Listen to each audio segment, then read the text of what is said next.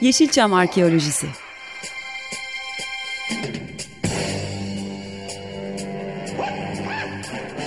Türk sineması ve Yeşilçam'ın besin kaynakları, emekçileri ve kıyıda köşede kalmış hikayeleri.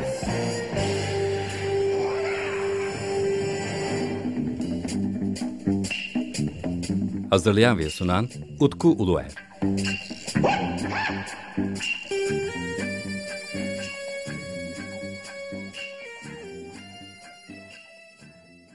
Yeniden Yeşilçam Arkası programında sizlerle birlikteyiz. Ben Deniz Utkulayar ve değerli konuğum Eriş Akman. Efendim sizinle bu üçüncü kaydımız. Açık Radyo izleyicilerine de mutluluklar dilerim. Efendim 16 Kasım 2022 tarihinde yaptığımız kaydın üçüncüsü bu. Sizinle yaptığımız sohbet gerçekten çok keyifli. Çok teşekkür ederim ben. Sağ olun. Ben teşekkür ederim. Hani ilk başlardaki programlardan daha detaylı olarak hem sizin işte hem Oktay hem de Kolpaçino ve e, Kutsal Damacana filmleriyle olan hani popüler kültür içindeki e, yerinizden de birazcık sohbet etmiş olduk. O konular üzerinin içine de girmiş olduk. Fakat e, sizinle tanıştıkça ben sizin sinemaya üzerine ne kadar çok kafa yoran bir insan olduğunuzu gördükçe size hayranlığım da arttı. Çok teşekkür ederim. Çok naziksiniz. Estağfurullah. Bir de şu anda sanırım senaryo çalışması yapıyorsunuz. Evet, şu anda bir e, İngiliz yapımcıya e, bir uzun metrajlı film yazıyorum. Bir de bir televizyon projem var. Onu e, biz spec script deriz. Yani e, yapıp yazıp satmaca. Onu hazırlıyorum. İki tane senaryo üzerine çalışıyorum iç içe. Yeşilçam programı dediğimiz pek çok televizyon ya da radyo programı bence e, nostalji programlarına dönüşüyorlar. Maalesef hayatları boyunca yani 300 filmde oynamış bir sanatçımızı ben konuk etmiştim mesela. Gülgün Erdem'i konuk etmiştim. Ee, Gülgün Erdem'in ilk katıldığı radyo programı olmuştu mesela. Çok ilginç. Televizyon programı da yani ismini de zikretmekten bir sorun duymuyorum ama ben mesela Yeşilçam Arkeolojisi programı çatısı altında Türkan Şoray'la gidip görüşmeyi düşünmüyorum. Çünkü zaten Türkan, Türkan Şoray adına o kadar çok şey yazılmış ki. Ancak çok spesifik bir konu olur. Onun da bilgisine danışmam gerekebilir ya da değişik bir ana olabilir ya da ona çok konuşulmamış bir yönetmenimizle ilgili yani kendisine çalıştığı yönetmenimizle ilgili belki bir şeyler sorabilirim ama benim bugün Türkan Şoray'ın karşısına geçip sinemaya nasıl başladınız? İşte kendi bir anınızı anlatın gibisinden benim bu programı artık yapmama gerek yok diye düşünüyorum ben. Yok bence de yok yani çünkü onlar hep anlatıldı zaten yani herkes biliyor. Yani bilmiyorum siz ne düşünüyorsunuz yani bu programın aslında içeriği hakkında ya da belki de sizin de tavsiyeleriniz olabilir. Yani çünkü siz de bir eğitmensiniz, bir eğitimcisiniz siz de. Ee... Estağfurullah. Benim e, benim e, hiçbir e, önerim olamaz çünkü zaten siz gerekenleri yapıyorsunuz. Yani dediğiniz doğru. Yapılan röportajlar genellikle işte abi bir anını anlat yahut işte şu filmde e, neler oldu falan filan gibi oluyor. Ama sizin yaptığınız e, program daha böyle bir e, araştırmacı bir yanı var. Yani daha bir eşeleyici yanı var ve o yüzden de daldan dala atlamak zorunda kalıyoruz. Bu da güzel çünkü yani daha önce belki söylemişimdir yani arkeolojide de aynı şey vardır. Yani birdenbire bir çanak bulursunuz. O devrin değildir. Ve birden dersiniz ki ya bu nereden çıktı falan filan gibi. Onun için yani e, ben de çok mutluyum bu yaptığımız röportajlardan. Bir faydam dokunabilirse ne ala diye düşünüyorum. O kadar çok kayıp film var ki ya da o kadar çok evet. filmimiz farklı olmuş ki. Ya şimdi iki şey oluyor filmciler arasında. Yani bu bu çok yaygın. Ben bunu daha sinemaya ilk girdiğim andan itibaren şey yaptım. O yüzden başka birinin, bir üçüncü şahısın ilgilenmesi gerekiyor bununla. Yani bir prodüktör veya yönetmen filminin filmini bitirdiği anda o film onun için bitiyor. Başka bir yeni bir projesi var. Ona konsantre oluyor falan filan. Bir de tabii e, zaman çok kısıtlı e, yaratıcılar için bilhassa. Yani eğer siz kalkıp da bir şeyler yaratmaya çalışıyorsanız, bir şeylere önderlik etmek istiyorsanız e, başka vaktiniz kalmıyor. Yani bir proje bulmak, bir, bu projeyi geliştirmek Mesela benim her filmim benim en az 3 yılımı falan alıyor. En az. E şimdi bu 3 yılı bir prodüktör harcadıktan sonra ki bazı prodüktörler 5 yıl, 10 yıl çalışanlar var benim bildiğim yani tanıdığım insanlar. Onun için e, şeyler arşivcilik bizim e, ruhumuzda yok. Sinemacıların ruhunda yok. O yüzden de e, Sami Şekeroğlu gibi, Profesör Sami Şekeroğlu gibi bir takım kişilere ihtiyaç var e, sinemada. Ve Sami Şekeroğlu sağ olsun yani bir sürü negatifimiz bu yüzden gitti. Çünkü negatifin sahipleri ona sahip çıkmıyor. Bazı e, şeyler var, girişimcilerimiz var. E, onlar mesela negatifleri satın alıyorlar. Bu da bir sahip çıkma. Mesela bunu bunu kınayanlar var. Ama ben kınamıyorum çünkü sahip çıkıyorlar yani. Devlet Film Arşivi çok önemliydi. Şu anda ne yazık ki bir e, bulanıklık var Devlet Film Arşivi ile ilgili. Tam ne olduğunu da bilmiyorum. Ama sanıyorum ki yeni rektör pek ilgilenmiyor gibi. Siz benden daha iyi bilirsiniz. Bu büyük bir katliamdır. Yani bir bir ülkenin sineması tarihinin bir parçasıdır. Yani şu anda mesela benim e, devlet film arşivinde olan bir tane filmim var. Dünden sonra yarından önce. Dünden sonra yarından önce de çektiğimiz Beyoğlu şu anda yok. Evet. O Beyoğlu yok. O Beyoğlu'nda trafik var mesela.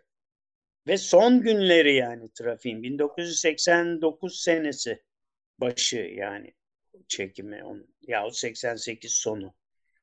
Yılbaşı ışıkları falan var yani. Şimdi e, bu yüzden de çok önemli. Yani çocuklar televizyonlarda bir takım e, filmleri seyrediyorlar. Bana geliyorlar abi ya işte İstanbul ne güzelmiş o zaman falan. Yani bu bence belediye başkanlarına falan da yol göstermeli. Öyle. Bir bakmalılar. Türkiye'de korkunç bir e, nasıl söyleyeyim yani dilim varmıyor söylemeye ama katliam yaşanıyor. Katliam yaşanıyor. İyi bir şey yaptıklarını sanıyorlar ve sürekli yeniliyorlar bir takım şeyleri. İlla yenilemek değil. Yani Londra'da Londra'da dönem filmi çekiyorlar. Mekan kullanıyorlar. Şu anda ben İstanbul'da dönem filmi çeksem kullanacak mekan kalmadı. Bazı dönemleri çekmek artık çok zor, o çok net. Yani öyle bir katliam yapılıyor ki Türkiye'de. Bütün Türkiye'de yapılıyor bu. Köylerimiz bile aynı köyler değil yani. Yani şehir hafızasının şu anda yaşadığı yer Yeşilçam. Yani İstanbul şehir hafızası. Evet, ya evet. Yani... Hayır köyler de aynı. Köyler de öyle. Susuz yaz nerede çekildi hatırlamıyorum şimdi ama yani o köye o köyün e, yaşayanları gençler şu anda o filme bakıp vay be bizim köy ne kadar güzelmiş demeliler bence. Yahut yılanların öcü. 1960'lardaki 70'lerdeki köyler şu anda yok. Yani ben tabii, kendi köyümden biliyorum. Önemli. Girişim çok önemli ama bizde birazcık bu hani eskisini yıkarak yenisini yapmak üzerinden şekillendiği için bunun çok yoğun olarak yaşanması bence bizim kimliğimizle ilgili de bir sorun da yaratıyor bence. Çünkü İstanbullu yani benim asıl mesleğim turist rehberliği. Ben profesyonel turist rehberiyim. İstanbul'u evet. dolaştırdığım zaman benim anlattığım bir şey var Eminönü ile ilgili. O da şu. Birinci katlara baktığınız zaman ya da yani sokak seviyesine baktığınız zaman 2022 yılını görüyorsunuz. Kafanızı kaldırıp yukarı baktığınız zaman 19. yüzyıl. Yani benim evet. anlattığım şey budur ve çoğu insan 19. yüzyılı görmüyor ama duruyor hala orada ve onlar depo haline getirilmiş. Çok evet. kötü durumda. Fakat oradaki yani yukarı baktığınız zaman 19. yüzyıl, yüzyılla ilgili gördüğümüz neoklasik bina o kadar değerli bir bina ki belki de inanılmaz güzel bir bina ve yani çok çok kötü durumda ve bu yani bunun bir bahsettiğiniz gibi bir katliama dönüşmüş durumda aslında. Yani. Evet. Şimdi ne yazık ki bu katliam şeye de uzandı. Yani kitaplara mesela bir sahaflar olmasa kitap bulamayacağız. Yani eski kitapların hiçbiri yok. çöpe atılıyor kitaplar. İnanılmaz bir katliam var kitaplar arasında. Şimdi bu filmlere de sıçradı. Yani eğer bu filmler bir an önce koruma altına alınmazsa çok küfür edecek e, ilerideki e, nesiller bizlere. Çok. Beddua edecekler yani. Onun için herkes aklını başına toplasın ve e, sinemaya sahip çıkmak lazım. Yani, Tabii bu lafım bu lafım e, şeylere, bürokratlara ve politikacılara.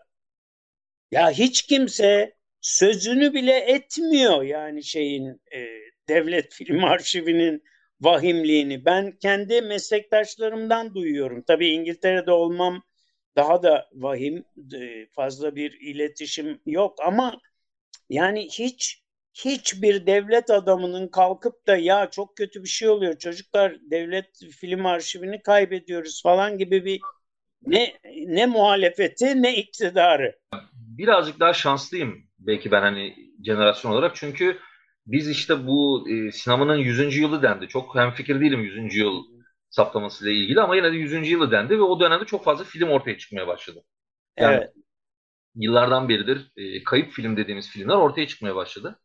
E, bu yüzden de bir zenginlik ortaya çıktı bence. Mesela işte Aynen. fotoğraflarda, işte lobi kartlarında, afişlerde, çok farklı kaynaklarda böyle bir zenginlik yaşadık bence. Geçtiğimiz 10 yıl içerisinde.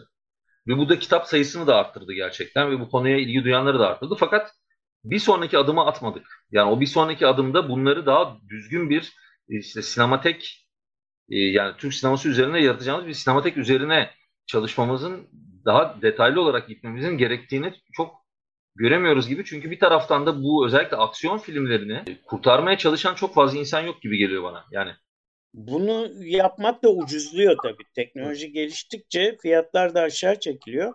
Yani dijital kopyalar alınabilir ve bunlar e, farklı kaynaklarda saklanabilir. Yani çünkü birine bir şey olursa diye e, bunu yapıyorlar. Mesela British Film Institute var burada İngiltere'de, BFI. E, BFI mesela bütün filmlerin yani en aptal e, komedi filmlerinin dahi e, dijitallerini alıp arşivlerinde saklıyor.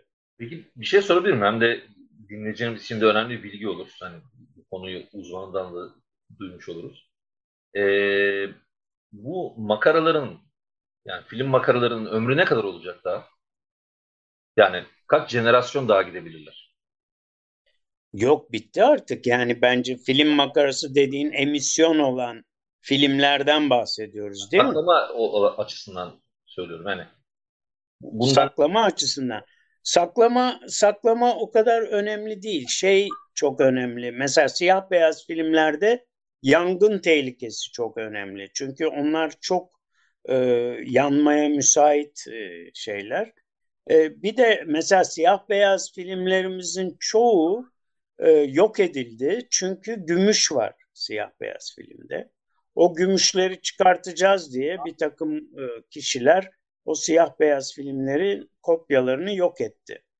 E, bilmiyorum negatifleri duruyor mu? Film. Valla fanatik film ticari amaçlar için yaptı. Yani biraz önce söylediğim gibi çok e, ticari amaç için yaptı ama çok büyük bir fayda sağladı.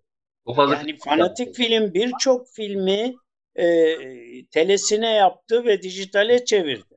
Evet. Yani aynı şekilde mesela e, Akım filmde öyle.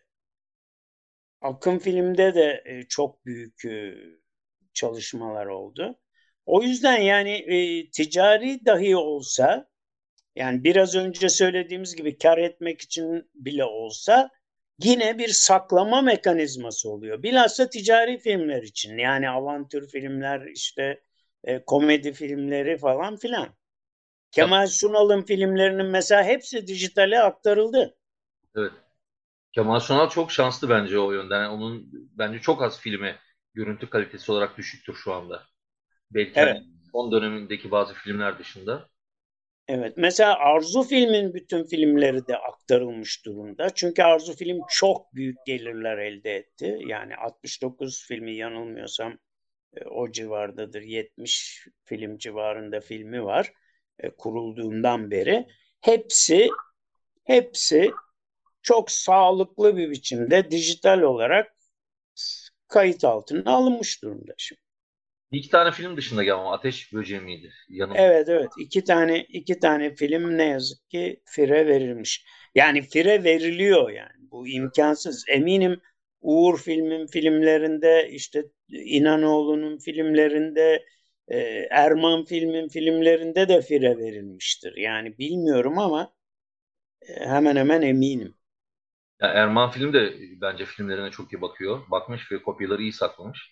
Evet, Hürrem Bey çok e, akıllı bir adamdı ve çok iyi eğitimli bir kişi olduğu için Hürrem Bey baştan beri çok bilimsel yaklaştı. Aynı şekilde Ertem Eğilmez ve Nait Ataman da öyle yaklaştılar. Çünkü bilgiliydiler. Türker abi çok e, öncü oldu o araştırmalara. Yani Vadullah Bey de e, Türker abiden çok e, yardım görmüştür eminim. Alican da görüyordur sanıyorum. Yani e, Aga abi çok gördü. Yani. Aga abi e, şeyin Türker Bey'in korumasındaydı neredeyse yani. Yani e, mesela Alican Alican Sekmeç çok e, faydalı bir şey daha yapıyor. Bütün filmleri aynı şekilde Uğur e, Uğur Ün de yapıyor. Yani Memduh Ün'ün oğlu Uğur Ün. E, Uğur Ün de birçok filmi, eski filmi seyredip eleştirilerini yazıyor. Bu da bir e, yaşatma biçimi bence yani. Yani tabii ki. Mesela Murat Çelenligil var. Bu daha önceden Sinema Türk veri tabanında e, yazıları yer alıyordu. O, onun yazılarını tekrardan yeniden düzenleyerek... Evet adını işittim evet. Bizim sinematik Yeşilçam'da yer veriyorum. O özellikle filmde yer alan müzikleri de çok e, evet. detaylı deşifre eden birisi. Ve hani bizim filmler sadece sinema açısından değil bir de içinde kullanılan müzikler açısından da bambaşka. Aynen, bir... aynen. Sanatçılar, şeyler, müzikler. Yani mesela yalnız 1970'lerdeki sinema müzikleri bile ben, bence çok değerlidir. Yalnız 70'ler. Bırakın şeyi yani geçmişi yahut 80'leri 90'ları. Yalnız 70'lerde yapılan filmlerdeki müzikler çok çok değerli bence. Ee, özellikle 70'li yılların bazı aksiyon filmlerini arkadaşlar izledikleri zaman bana şey derlerdi. Kopuk kopuk filmler derlerdi böyle. Sonra ben evet yani bence de öyle yani. Mesela bir yerden atlıyor tam böyle. O sırada alttan araba geçiyor. Meğersem o kopya aslında tam değil. Aslında. Evet. Evet. O çok oluyor. Ve o, onun içinde belki de yönetmen orada çok güzel bir takip sahnesi çekmiş ya da böyle bir, kendi içinde böyle bir anlamı olan e, bir e, olaylar zinciri var orada ama biz filmin elimizdeki bazı kopyalarını izlediğimiz zaman o kadar bize saçma geliyor ki bir de e, özellikle televizyonda filmleri izlemek çok e, yanlış bence. Çünkü sansür evet. filmler. Özellikle bizim 70'li yılların aksiyon filmlerinin yani normalde film 72 dakikaysa bence o film 60 dakika falan oynuyor. Ya da evet, evet. 55 dakika oynuyor. Yani, yani bu... bir de bir de sansürün nereden geleceğini bile düşünemiyorsunuz. Tabii. Mesela dünden sonra yarından önce isimli filmde Jacobs galiba markası. E, çünkü biliyorsunuz bir dönemde e, bu hazır kahvelere, instant coffee dediğimiz hazır kahvelere Nescafe deniyordu. Markası Jacobs da olsa Nescafe, e, başka bir şey olsa da Nescafe. Onun için de filmde sürekli Nescafe içer misin? Bir Nescafe versene falan gibi böyle laflar geçiyor. E, Jacobs e, TRT'ye e, itirazda bulunmuş bu haksız rekabet diye. Ve bunun üzerine e, TRT de birden uyanmış ve filmde ne kadar e, reklam varsa hepsini makaslamış. Film kuşa dönmüştü. Anlamana imkan yok yani. Bu yani işte Selpak uzatır mısın demek gibi bir şey oluyor. Biz de burada reklam. Evet evet evet. evet. Mesela adam reklam yönetmeni bir takım ürünlerin reklamını çekiyor. Hepsini montajlamışlar ürünün göründüğü sahneleri. Ya Türkiye'de zaten telif hakları büyük bir yara. Yani telif hakları Türkiye'de hiçbir zaman düzgün Batı ülkelerinde uygulandığı gibi uygulanmadı. Mesela aile şerefi tamam mı? Yani bir aile şerefi gibi bir filmde ben bir Amerikan filminde oynasaydım şimdi köşe olmuştum. Evet. O kadar gösterime yani çünkü aile şerefi haftada bir gösteriliyor televizyonların birinde herhangi bir kanalda. Uydu kanalı Ve biz hiç para almadık o filmden. Çünkü hepimiz maaşlıydık o zaman Arzu filmde. Ertem Eğilmez de dahil hepimiz maaş alırdık. Mesela başka bir haksızlık daha oldu. Ee, bilmiyorum duydunuz mu? Ee, Kara Sevda diye bir dizi yaptılar. Evet. Kara Sevda dizisinde televizyonda aile şerefinden bir sahne gösteriyorlar. Ben varım, Coşkun Göğen var ve Itır Esen var. Ben dava açtım. Hakim davayı reddet. Ben temize gönderdim ve temizde kazandım. İstinaf mahkemesi deniyor galiba. İstinaf mahkemesi bozdu kararı ve beni haklı buldu. Ondan sonra da e, mahkemeye sevk etti şey için e, işte değerini bulun diye. Abi hala sonuçlanmadı. Ben hala bir kuruş alamadım o.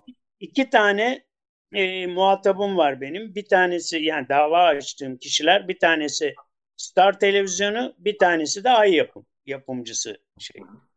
Abi ikisi de çok güçlü şirket.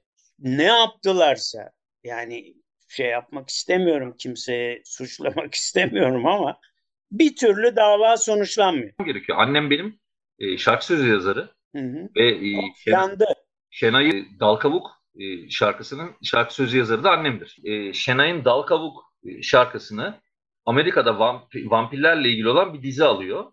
Ve o, o dizide Bekarlığa Veda Partisi'nde böyle bir e, işte Orta Doğu partisi gibi bir şeyler vermişler ve Şenay'ın Dalkavuk şarkısını da çalmışlar dizide. Ve o müzikle bağlantıya geçiyor ve anneme e, telif ödedi. Tabii. Yani, Öderler yani. Çünkü yani, araştırıyorlar, şey yapıyorlar. Şeyin aynısı aslında bu. Fakat orada şirket buluyor ve şirket bağlantıya geçiyor ve şirket e, annemin haberi bile yok. Tabii. Parayı takdim ediyor. Bir de Uğur Dikmen e, senelerce annemle birlikte çalışmıştı bir dönem. Senelerce Almanya'dan bizim payımıza gelen hiçbir zaman unutmam onu 32 mark. Yıllarca ödediler ve Uğur Dikmen bunu düzenli olarak ödemeye devam etti anneme mesela. Çünkü evet. e, o telif hakkını Almanya üzerinden yapmış ve oradaki kanunlar gereğince düzenli olarak da kendisi de ödüyor. Tabii. Yani eski yapım diyorsun ama eski sanatçılara da aynı şeyi yapmaları lazım. Sanatçı demeyeyim, emekçilere diyeyim bari. Tabii, tabii. Ee, şimdi öyle bir şey ki mesela bana geliyor herkes ay sizi işte çok beğeniyoruz, bayılıyoruz. Filmcilerden bahsediyorum. Yani işte ne kadar şeysiniz var. Ama benim hakkım için hiçbir şey yapmıyorlar. Anlatabiliyor muyum? Yani ben dediğime bakma sen. Yani bir sürü mesela Cüneyt Arkın'ın abi Cüneyt Arkın gibi bir aktörün milyarder olması lazım. Yani. Milyon falan değil ya. Türkiye bunun acısını çekecek. Yani telif haklarını bir türlü bir türlü adam gibi çıkarmıyorlar. Bir şeyler oldu. İşte 97 öncesi filmleri bilmem ne dediler. Yok bilmem. Ya hak haktır kardeşim. 97'den sonra 97'den önce diye ayrılamaz. Sen nasıl böyle bir şey yaparsın? Bu cinayettir yani. Sadece sinema değil bu arada. Müzik de müzik için de geçerli. Tabii tabii. Müzik için de öyle, şey için de öyle. Yani birdenbire bir kitleye kazandırmak için binlerce insanı harcadılar. Yaratıcı insan harcıyorlar bir de yani. Evet yani bu, bu konu maalesef defalarca ele alınması gereken bir konu. Yani bir, bir, bir yerde noktayı koymamız gerekiyor ki yani daha sonra tabii. devam edelim diye. Zaten zaman içerisinde hep sizin görüşünüze başvuruyorum. Ee, bu bir ara birazcık uzun bir ara verdik ama bu kadar uzun ara vermeyiz. Hem çok teşekkür ediyorum katıldığınız için. Yani çok ne estağfurullah ne demek bu görevimiz yani. Bunların hepsini yayına hazırlayacağım ve önümüzdeki haftalarda yayında olacaklar. Önümüzdeki Allah yardımcınız olsun diyorum. çok keyifli sohbetlerdi onun için e, çok da kolay mı? Neyse ben e, açık radyo dinleyicilerine elveda diyeyim. Elveda demeyin efendim güle güle deyin. evet Allah'a ısmarladık diyeyim ya. Ondan sonra tekrar sizinle görüşmek üzere diyorum ben. Çok Tamam görüşmek üzere çok teşekkür ederim. Bay bay.